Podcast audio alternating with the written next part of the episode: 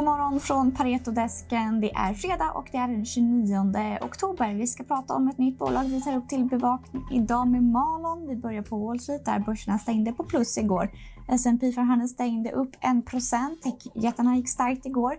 Facebook eh, steg 1% De bytte ju namn igår till Meta från eh, Meta Universe, vilket jag tycker är ett ganska bra namn. Jag gillar namnet. Vad tycker du, Malon? Ja, sådär. Sådär.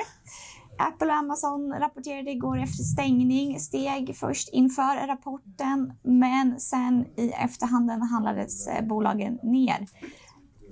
För eh, Apples del så var iPhone 13 en besvikelse och hos Amazon var det försäljningsmiss. Apples handlades ner 3,5% i efterhanden och Amazon 4% ner. Idag noteras Volvo Cars på Stockholmsbörsen, största börsnoteringen på 20 år och den är eh, populär den här IPOn, övertecknad med flera miljarder. Många rapporter idag. Vi får Sweco, Nordnet, SCA, Expin, Formpipe, Securitas och eh, Lundin Eng. Vi får prata mer om rapporterna nästa vecka för nu ska vi lägga fullt fokus på Gaming Innovation Group som vi inleder bevakning med idag. Malon, berätta om bolaget. Bolaget, precis. Gaming Innovation Group, eller GIG eh, som vi kan kalla det. Det är ju en eh, B2B-aktör. Slutkunderna är det vill säga spelbolag eh, tänk Unibet, William Hill eh, och så vidare. Två eh, huvudsegment, Media Services och Platform Services. Media Services det är affiliate-verksamheten, står för två tredjedelar av revenues idag. Och plattformssidan en tredjedel. Och på affiliate då, då, då egentligen genererar man trafik till sina partnerkunder, operatörer. Och för det får de betalt. Och på plattformssidan så står man egentligen för plattformen för att driva en, en spelbok, en spelhemsida. Mm. Um, väldigt skalbar tillväxtresa. Eh, Ebitda-marginaler runt 48-50 på, på mediesidan uh, och uh, på plattformssidan runt 10% idag, men kommer öka signifikant här närmsta tiden. Mm, vi inleder med en köprekommendation och en på 30 kronor. Din rubrik är A scalable growth story at discount. Låter ju trevligt. Ja, nej, men eh, som sagt, de, de växer på väldigt bra. Vi räknar med en Kiger på mediesidan med 15 fram till 2024 och plattformssidan 20 Det är plattformssidan som kommer att eh, lyfta lönsamheten för hela gruppen från dagens 30% till 40% eller över 40 eh, inom några år här. Um, och det fina med plattformssidan är att det är ungefär ett års lag från att man liksom signar ett kontrakt tills det är fullt ramped up. Mm. Och de har signat sju kontrakt i år och, och man kan räkna med en visibilitet på plattformssidan i prognoserna, eh, vilket gör det väldigt bekvämt. Så man växer väldigt starkt underliggande och, och lönsamheten följer efter. Eh, och därav då den här fina rubriken. Mm. Din eh, riktkurs på 30 kronor baseras på en sum of the parts-värdering. Hur värderas bolaget och hur har det kommit fram till riktkursen? Precis, så det är 30 kronor per aktie. Eh, supportas också av en DCF på 31 spänn. Um, så vi tar sum of the parts på, på media och, um, och plattformssidan. På mediasidan så menar det ska handlas på en, eh, en premium mot peers. Eh, och det är egentligen av fyra orsaker. Dels så har man väldigt diversifierad portfölj. Eh, ingen kund eller land eh, är över 10% som är väldigt väldiversifierad. Eh, USA-caset är starkt. Eh, det är under 1 av revenues idag, men de har, menar vi, då, grunden för tillväxt finns där med affiliatesidan vsn.com. Mm. Grottar man ner sig i datatrafiken så, så ser man att det är en väldigt bra möjlighet där borta att bygga tillväxt på.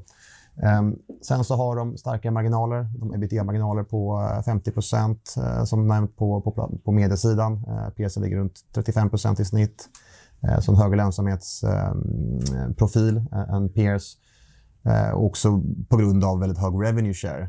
De har revenue share-modell, 65% plus av intäkterna revenue share på, på mediesidan medan uh, ligger på 45% Så de har väldigt starkare kan säga, profil gentemot PS och däremot mm. en premium. Och på plattformssidan så, så, har vi dem i, i inline på EV Sales mot peers. Eh, man växer starkare, eh, men med lägre eh, lönsamhet. Och sen så fortsatt väldigt tidigt skede där. Eh, och sammantaget då landar vi på en eh, target price på 30 kronor. Mm.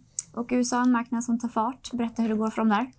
Ja, nej, precis. USA är fortsatt ett tidsskede för dem. Eh, som sagt, det är under 1 procent idag på, på affiliate och så. Och, eh, men de har vsm.com, vilket vi menar är en väldigt eh, bra grund för tillväxt där. Mm. Eh, vi har gått oss ner oss i datatrafiken och, och jämfört med andra affiliate-sidor. Eh, och, och liksom vi ser att de som använder sidan, de är återkommande och gillar det.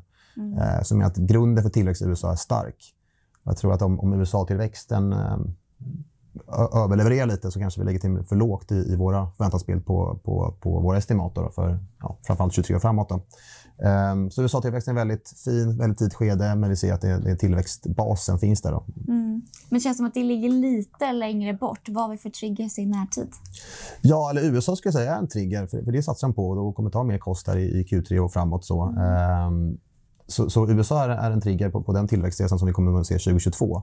Men sen finns det andra också short term triggers. Vi har Betsson-kontraktet på plattformssidan eh, som borde eh, re, eh, eh, förhandlas om här i, i, eh, i Q4. Eh, och vi menar på att de kommer förlänga det kontraktet med, med, med GIG. Och givet att eh, det inträffar så ser vi en eh, stor eh, sannolikhet att de höjer eh, targets på organic growth. De har ju organic growth target på över 10 eh, idag eh, och vi tycker att det är lite lågt. Vi ligger själva 15% plus där nästkommande år. Så även där ser vi en trigger, men också ytterligare nya plattformskontraktsvinster. Eh, eh, de har ju sagt att alltså, det ska vara 10 stycken eh, i år och, och jag tror att det kan eh, ligga nära till det, att man lyckas nå sitt mål där för, för, för 2021 och kanske lite högre. Så det är en rad olika triggers här det närmsta halvåret som, som vi ser fram emot. Ja, men det låter eh, intressant.